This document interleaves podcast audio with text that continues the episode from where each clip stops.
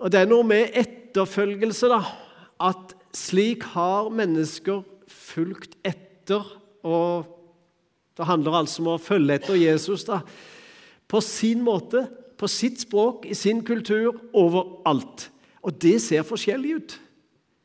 Så måten vi samles på i Lyngdal, i, i sånn kirke som dette her, det kan være helt forskjellig fra andre steder. Og ikke bare språket, men, men alt er, kan være veldig forskjellig.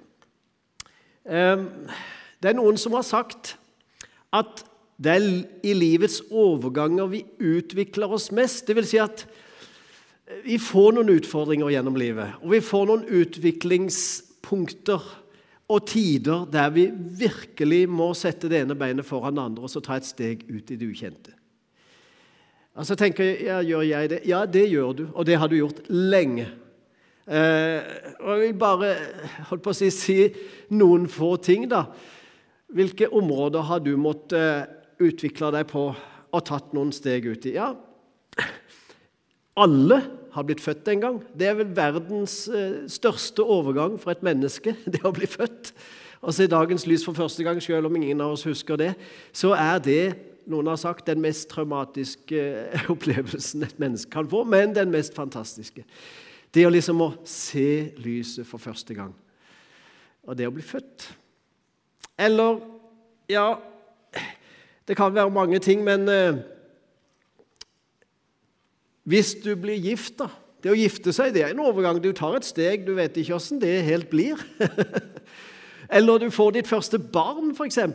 Det er umulig å forberede seg helt på. Du kan ha sett på de som har gått foran, og du kan ane om det, men når du sjøl sitter der med barn i armene ja, Det er en uh, opplevelse som egentlig ikke du kan være helt forberedt på. Eller kanskje mer på den utfordrende sida, at uh, eh, en krise i livet. En skikkelig krise i livet der du må ta noen valg, der du må kanskje søke hjelp, der du må gå et steg til sides. Det kan være et virkelig utviklingspunkt for oss. Og det er ikke alltid en livskrise er så dumt. Det vil si, det kan gjøre veldig mye bra med oss. I en retning som vi ikke hadde gått i hvis vi holdt på å si, livet hadde vært litt, eh, bare litt rett fram. Eller at du kommer nær døden, dvs. Si at noen i din nærhet dør. Det er et utviklingspunkt. Det å oppleve det maktesløse innenfor liv og død. Da utvikler vi oss som mennesker. Har du tenkt på det? Da får du innblikk, og da kjenner du på både følelser og tanker og opplevelser som du kanskje ikke har hatt før, og som du utvikler deg på. Og slik har vi veldig mange ting i livet. Når jeg var ung, og det vil si sånn eh, drøyt 20 eh, Jo da, det hadde nok skjedd litt. Jeg var en eh, veldig sjenert eh, sørlending. En gutt som eh, ble sparka ut i livet. Og vi skulle til Frankrike og lære språk, fransk, for første gang. Jeg kunne ingenting. Og så sier da lederen på skolen, og vi var samla fra alle nasjoner verden rundt og alle mulige språk. Muligens ikke russisk og kinesisk, men ellers stort sett det meste. Og Så sier uh, lederen på engelsk, for det kunne de fleste noe av, sier dere får 14 dager på dere. 14 dager. Og så ikke et ord på deres eget språk eller på engelsk. Ingenting. Da skal det bare være fransk. Og jeg tenkte det er jo umulig. 14 dager, og så skal jeg snakke fransk. Eh, det ble ikke bare 14 spennende dager, men etter de 14 dagene Jeg har aldri blitt så ledd av, så ydmyka til å være en sjenert sørlending. Og liksom måtte bare kaste meg ut i det og dumme meg fullstendig ut. Det ga et virkelig utviklingspunkt og en overgang som jeg aldri kommer til å glemme, og som var fantastisk på sikt. Jeg hadde aldri kommet i gang med å lære meg et språk så fort hvis det ikke hadde vært det hard vei, altså. 14 dager, Kan du tenke deg det? Om 14 dager så snakker du ikke norsk lenger. så snakker du ikke engelsk lenger. Så snakker du et språk du ikke kan i dag. Det tror jeg utvikler de fleste av oss, altså. Ikke minst utfordrer. Og Vi skal se på en person. og Vi har fulgt Peter gjennom eh, to nå søndager. og Dette er den tredje delen av en serie om etterfølgelse. Og Vi skal følge Peter på en vandring i hans utviklingspunkter og overganger i livet. Og Peter hadde vært med på mye. Jesu disippel. Han var en fisker. Nå var han blitt eh, en disippel og Jesu etterfølger. Og han eh, hadde sett Jesus vandre i tre år sammen med han og opplevd store ting. og Sett til og med Jesus havna på korset, dødd, oppstått igjen. Hadde hatt fantastiske opplevelser rundt det. Han hadde vært vitne til pinsedag, pinsedag, Den hellige ånd kom ned. og, og, og det skjedde mange fantastiske ting. Han hadde til og med fått lov til å legge hender på syke. Og så hadde de blitt helt mirakuløst helbreda. Og allikevel vil jeg påstå at Peter hadde ikke opplevd enda den mest radikale overgangen i livet som han skulle. Eh, nå kan du tenke hva er det, da? Jo, Peter hadde blitt forfulgt, han hadde vært i fengsel nylig, og han hadde dratt ut av Jerusalem. For der var det virkelig kokte det, altså. Og Han kom til eh, Cesarea ved havet, ut ved Middelhavet der. Eh, han hadde tatt inn hos en god venn. Han var garver, sånn eh, skinnpreparatør. Og han var der noen dager. Så gikk han opp på taket for å be, står det. Hadde faste bønnetider. Peter var god jøde, da. Han hadde faste bønnetider. Så, og plutselig så kjenner han at nå er jeg sulten, nå må det vel snart være lunsj. Ja, det står det at han ble sulten. Og så får han et syn. Så kommer det dalende ned en duk fra himmelen med alle slags dyr som en jøde ikke hadde lov til å spise. Det står tydelig beskrevet i Moseloven. Det var begrensninger hva en jøde skulle spise og ikke. Og dette var alle sånne dyr som ikke han skulle spise som jøde. Og Så hørte han en stemme. Peter, slakt og preparer det, og spis. Og Peter var helt sjokkert. Dette pressa han langt utover det han hadde på en måte blitt opplært til helt fra barndom av. Tre ganger skjer dette her. Og Så kommer vi inn i teksten. da, Der står det Men Peter svarte, 'Det kan jeg ikke, Herre, for jeg har aldri spist noe vanhellig og urent.' Altså alle åra sammen med Jesus. Jeg hadde aldri det. For andre gang talte stemmen til ham, 'Det som Gud har sagt er rent, må du ikke kalle urent.' Dette hendte tre ganger, og så ble duken tatt opp til himmelen. Og Det er noe med at eh, Gud utfordrer oss av og til. og Peter fikk en skikkelig utfordring. Kan du tenke deg noe du alltid har vært opplært til? Fra holdt på å si, du var født. Og det, det sitter i ryggmargen din. Du tenker at dette er, liksom, dette er mitt liv. Dette kan jeg ikke gå på kompromiss med. Og så får du en utfordring. Nå skal du legge det til side, for nå skal du inn i noe helt nytt som jeg skal vise deg, og det kommer til å gå på tvers av det du har vært opplært til. Det er klart Peter reagerte. Og han liksom alt inni han stritta imot dette her. Og så taler Gud til ham.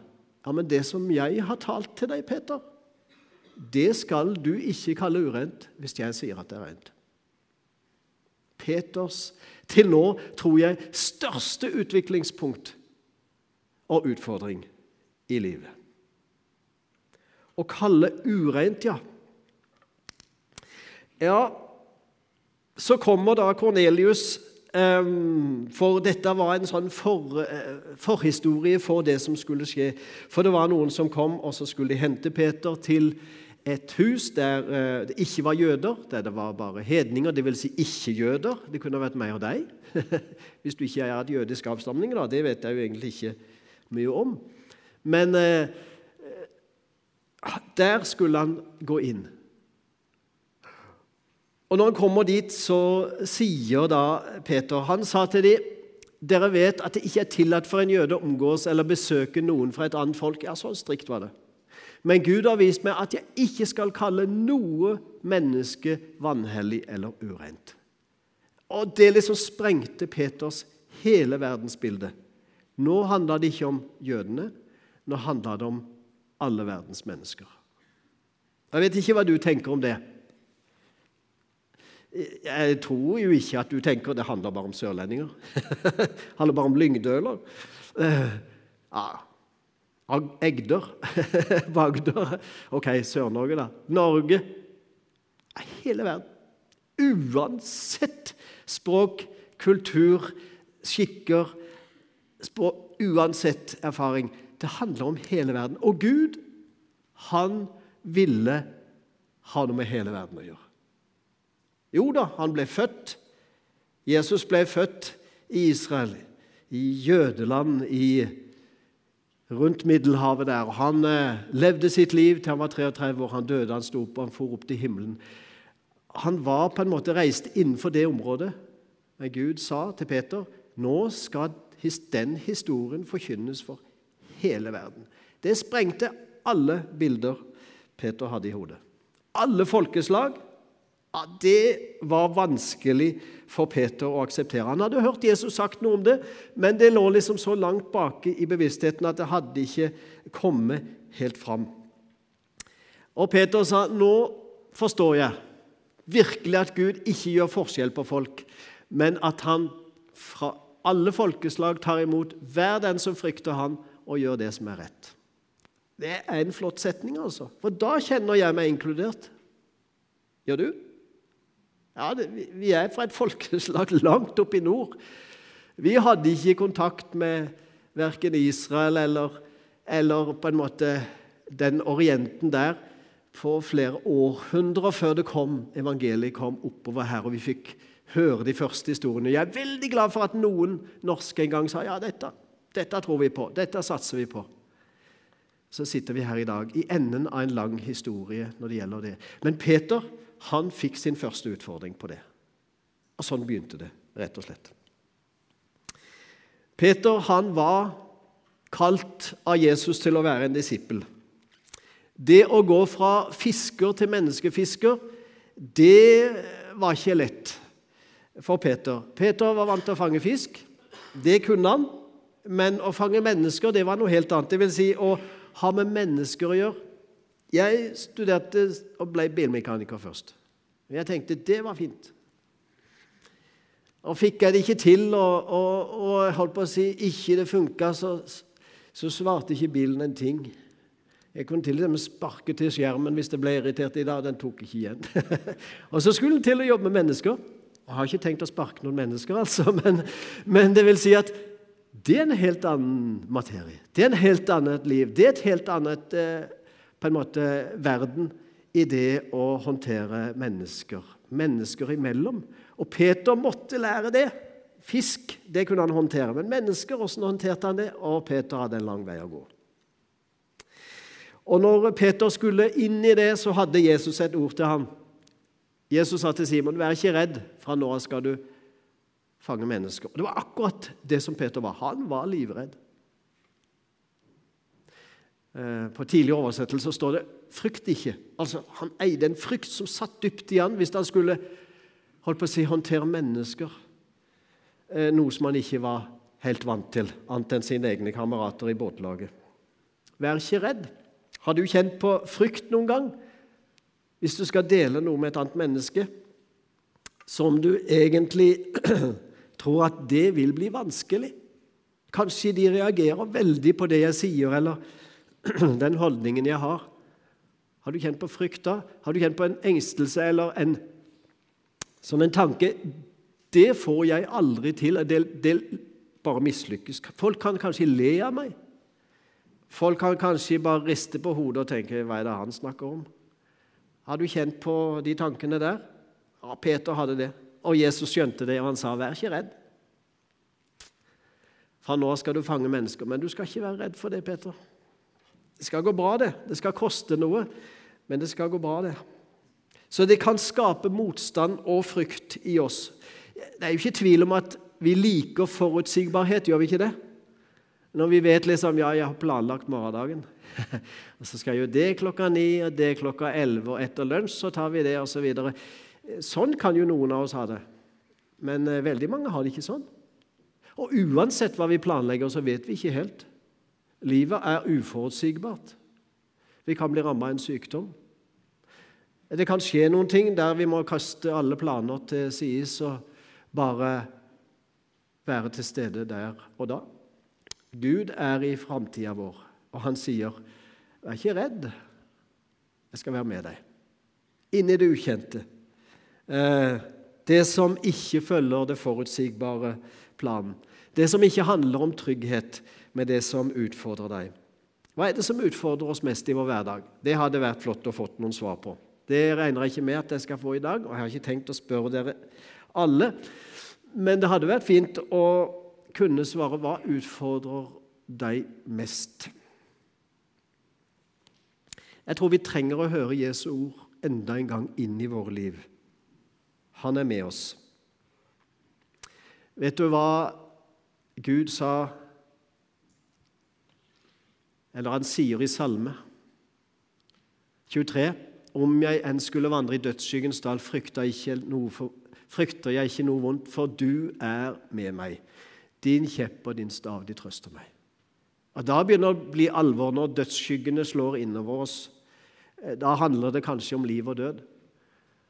Da handler det om en svært, kanskje usikker framtid her i livet for oss. Til og med da står det du er med meg der. Skal ikke forlate. Jeg skal ikke ikke bare la det bli et tomrom. Jeg er med deg. Enten du kjenner det eller ikke, enten du forstår det eller ikke. Bare vit at jeg skal være med deg. Så det krever at det egentlig at vi ikke bare er tilskuere til livet, men eh, vi går inn i livet sjøl. Og så lever Peter videre, da. Peter er en mann som heldigvis ikke satte seg ned og sa at 'nå er jeg 35, nå har jeg møtt det meste i livet', nå, liksom, eh, nå surfer jeg inn og har et trygt liv. Han måtte ha utfordringer resten av livet. Jeg tror Peter var en sånn personlighet. Og sånn er vi forskjellige. Min personlighet er kanskje sånn at jeg har vært veldig greit å surfe de neste 20 år eller resten av livet på helt sånn trygg grunn. Ikke noe ukjent nå. Har liksom fått nok av det, men sånn er jo ikke livet. Og For Peter var det absolutt ikke sånn. Og Det skjedde mye i Peters liv fortsatt. La oss gå videre i Peters liv og se på en opplevelse han hadde. For det var stifta en ikke-jødisk ikke menighet oppe i et sted som het Antiokia, nord i Israel. Og Der var det folk fra alle mulige steder i hele Midtøsten. Og De var kristne, men de var ikke jøder. Og det ble et problem for de jødiske, strenge menighetene i Jerusalem. Og Så sendte de noen opp, og så var Peter med der. Og Han syntes det var flott i begynnelsen. Han kom der, og han, Det ser ut som han kom alene først. Og Så går han til, den, til møter de der hedningekristne. Han skjønner å, det var flott. Og Han spiser med dem og er sammen med dem videre, For han har jo denne opplevelsen i bakhodet fra opp på taket med syn osv. Altså, jeg må jo ikke holde eh, hedningkristne utenfor, selv om de ikke er jøder. Det, det, nå må jeg på en måte leve i det. Det gjorde Peter. Veldig bra. Helt til det kom noen jøder etter han, som var litt strengere.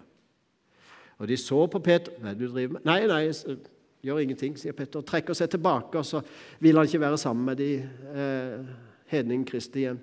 Og så begynner han å leve på en måte som Da er det ett ord som gjelder, også i dag. Det er hykleri. Det vil si at du påstår at du er én ting, men du lever på en helt annen måte. Eller du gjør én ting og trekker deg tilbake og fornekter det. Altså, du lever dobbelt. Og Peter kom i den situasjonen. Han greide ikke å på en måte stå opp mot eh, de strenge lovene og reglene. Og han eh, ble stempla som det. Og Da tenker jeg at det er noe av og til som eh, vi må tåle å høre hvis vi kommer på kant med slik vi bekjenner og slik vi, eh, slik vi egentlig vil stå for. Og Paulus, en annen disippel, så det der. Og han var ikke nådig. vet du liksom å komme på kant med Paulus. Da fikk du høre det. Han var ikke sørlending i sin språk, altså. Se på det. Da jeg så at det ikke gikk rett fram etter evangeliets sannhet, sa jeg til Kefas, altså Peter. Så alle hørte det. Det var liksom ikke på enerom. Det var i full sal. Når du som er jøde, ikke lever som en jøde, men som en hedning, hvordan kan du da tvinge hedninger til å leve som jøder? Og det sier jeg rett i ansiktet ditt. Å, det kosta nok Peter noe. Virka ikke som det kosta Paulus en kalori å si det. Eh, men Peter han kjente det langt inn i hjerterota. Og han kjente jeg har et utviklingspunkt fortsatt her. Jeg må holde disse tingene sammen. Min bekjennelse og mitt liv det, det må på en måte stemme. Og jeg må komme dit Gud vil ha meg. Jeg tror at eh, det var det som Peter måtte videre på. Altså Vi ser at gjennom hele Peters sitt liv så var det utviklingspunkter. Fra å endre holdninger til å endre handlinger til å endre et helt liv. I møte med hva som er Guds vilje. Eh, Peter må tenke nytt. Og da tenker jeg, Hva utfordres vi, til som menighet i vår tid, eller som enkeltkristne, for å nå nye mennesker med evangeliet? Det vil si at eh, for å gi det videre, det vi har fått. Jeg stilte meg tre spørsmål, jeg. Eh, og det begynner litt forsiktig. Hva ville Peter gjort? Eller hva ville Paulus gjort? Eller kanskje aller viktigst, hva ville Jesus gjort? Når jeg møter sånne utfordringer i livet. Jeg tror det er lurt å stille det spørsmålet. Og da må svaret vil bli ja.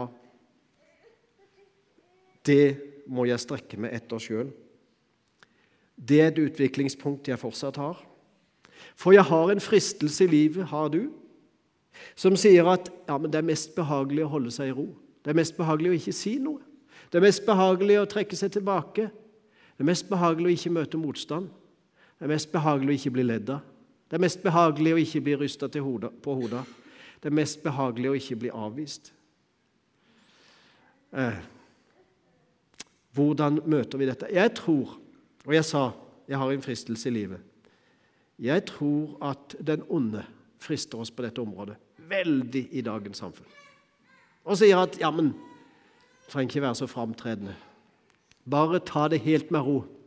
Bare be for mennesker, du. Det er fint, det skal du gjøre. Og det, det er ikke noe galt i det, altså. Det skal du fortsatt gjøre.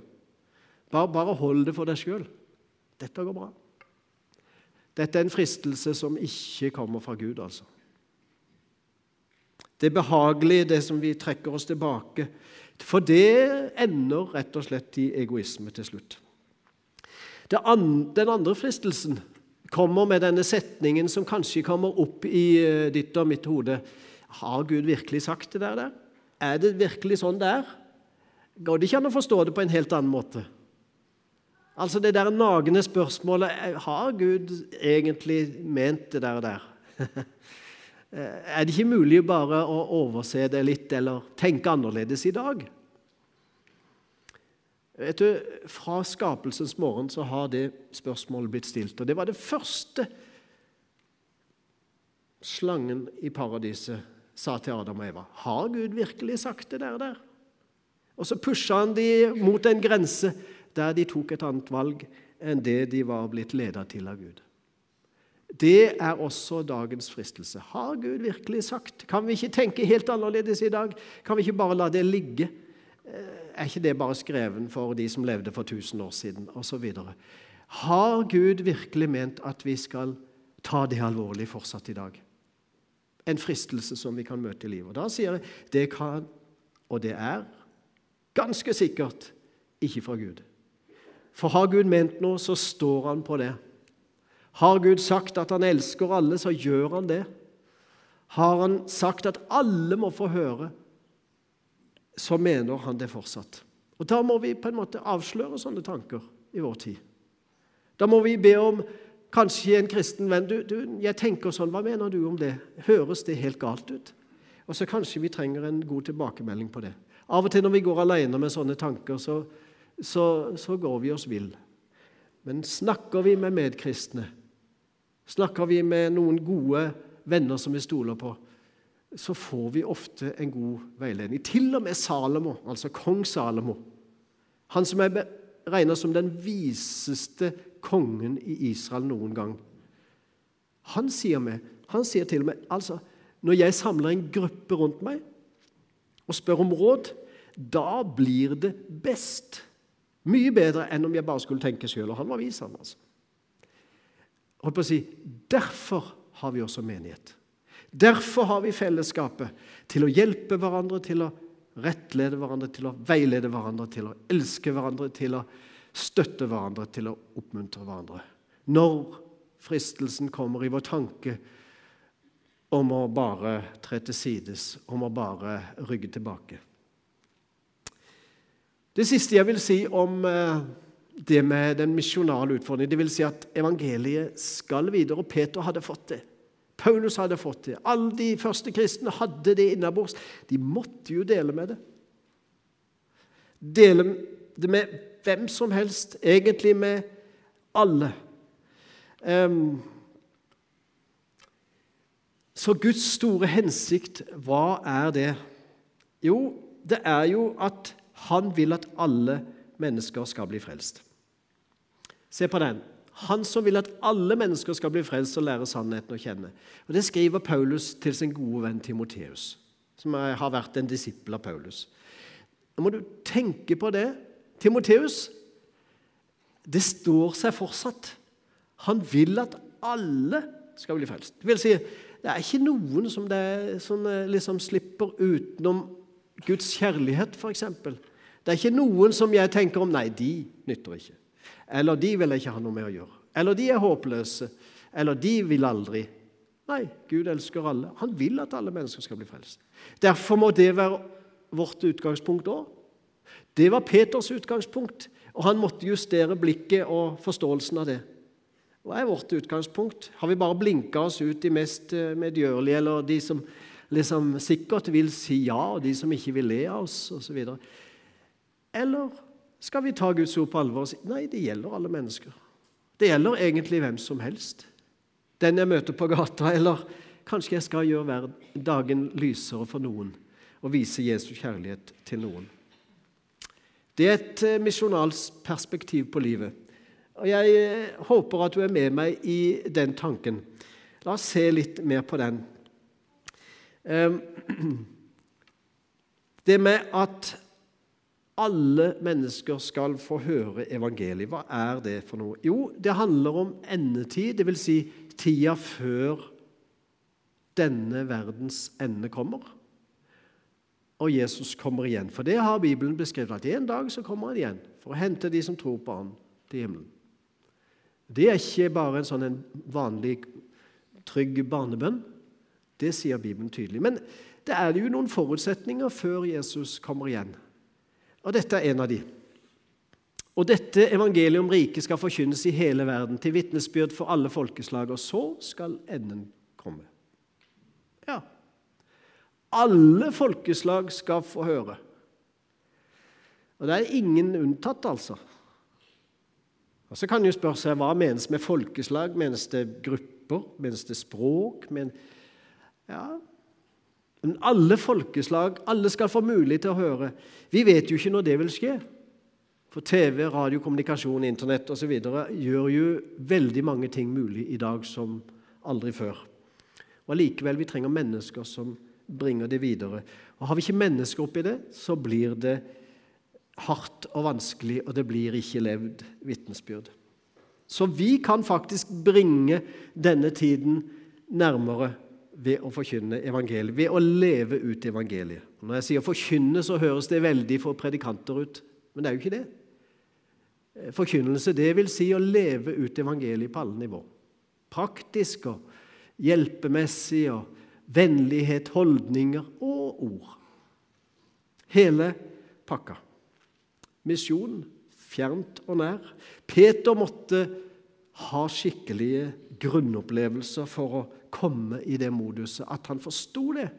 At det gjaldt ikke bare for jødene, det gjaldt for alle. Jeg er veldig glad at han kom dit, og at Paulus dro med det for første gang til Europa, f.eks. Og at vi kan sitte her i dag som en frukt av det. Og så liksom er ikke tingen gjort. Vi skal være med og bære det videre til verdens ende. Det er etterfølgelse. Det er å følge etter han som begynte og sa til Peter Du, Peter, fra nå av så skal du fange mennesker, og ikke bare fisk. Gir det oss frykt? Gir det oss eh, glede? Gir det oss eh, tro på framtida? Utfordrer det oss? Ja visst. Gir det oss litt frykt? Ok. Jeg kjenner òg at, hjertet banker litt ekstra når jeg skal trå over noen grenser som ikke er helt eh, behagelige. Eller som ikke er helt sånn eh, bekvemmelige. Men Jesus har vel aldri kalt oss til bekvemmelighet? Jesus har vel aldri sagt at 'nå skal du ha det fint resten av livet', når det fins så mange som absolutt ikke har det fint. Når det fins så mange som absolutt skulle trenge en hjelpende hånd, et vennlig ord, en kjærlig holdning, uansett hva de står for og mener og sier og gjør. Som skulle trenge et ord om at Jesus elsker deg. Gud er glad i deg fortsatt. Og han har en plan også for ditt liv, at han vil gjerne ha deg med til himmelen. Og Det er ikke noe sånn at han skal komme og ta deg. Absolutt ikke. Han vil at alle mennesker skal bli frelst, han, og ikke noe annet. Det er Guds høyeste ønske, og det ser ut som han har gjort seg avhengig av oss for å fullføre sin plan med det. Og så skal enden komme. For Peter, for oss alle. Er du med på den tanken? Er du med på det bibelordet som sier at gå? Følg etter meg, jeg skal være med deg alle dager inn til verdens ende, men du må følge. Her er det mye å hente, skal vi be. Herre Jesus, takk for dagen. Takk for utfordringen som Peter måtte takle så mange ganger, og utvikle seg på så mange nye punkter, og endre sitt liv. Herre Jesus, jeg vet ikke hva du peker på i våre liv i dag rører borti noe, kanskje et sårt punkt som vi kjenner eh, enten dårlig samvittighet for, eller kjenner at vi stritter imot. Og du har ikke tenkt å komme for å gi oss dårlig samvittighet. Du har ikke tenkt å være den som ødelegger livsgleden for oss, eller noen ting. Men du har sagt 'følg meg'. Du har sagt at 'jeg vil gi deg et mye rikere liv'. Et mye mer spennende liv i den forstand at jeg vil bruke deg til å gjøre mine gjerninger mens det enda er dag her på jorda. Elske mennesker, hjelpe mennesker, redde mennesker, gi håp til en håpløs verden, tale lys inn i mørket. Herre Jesus, bruk oss til det. Hjelp oss til å følge deg. Amen.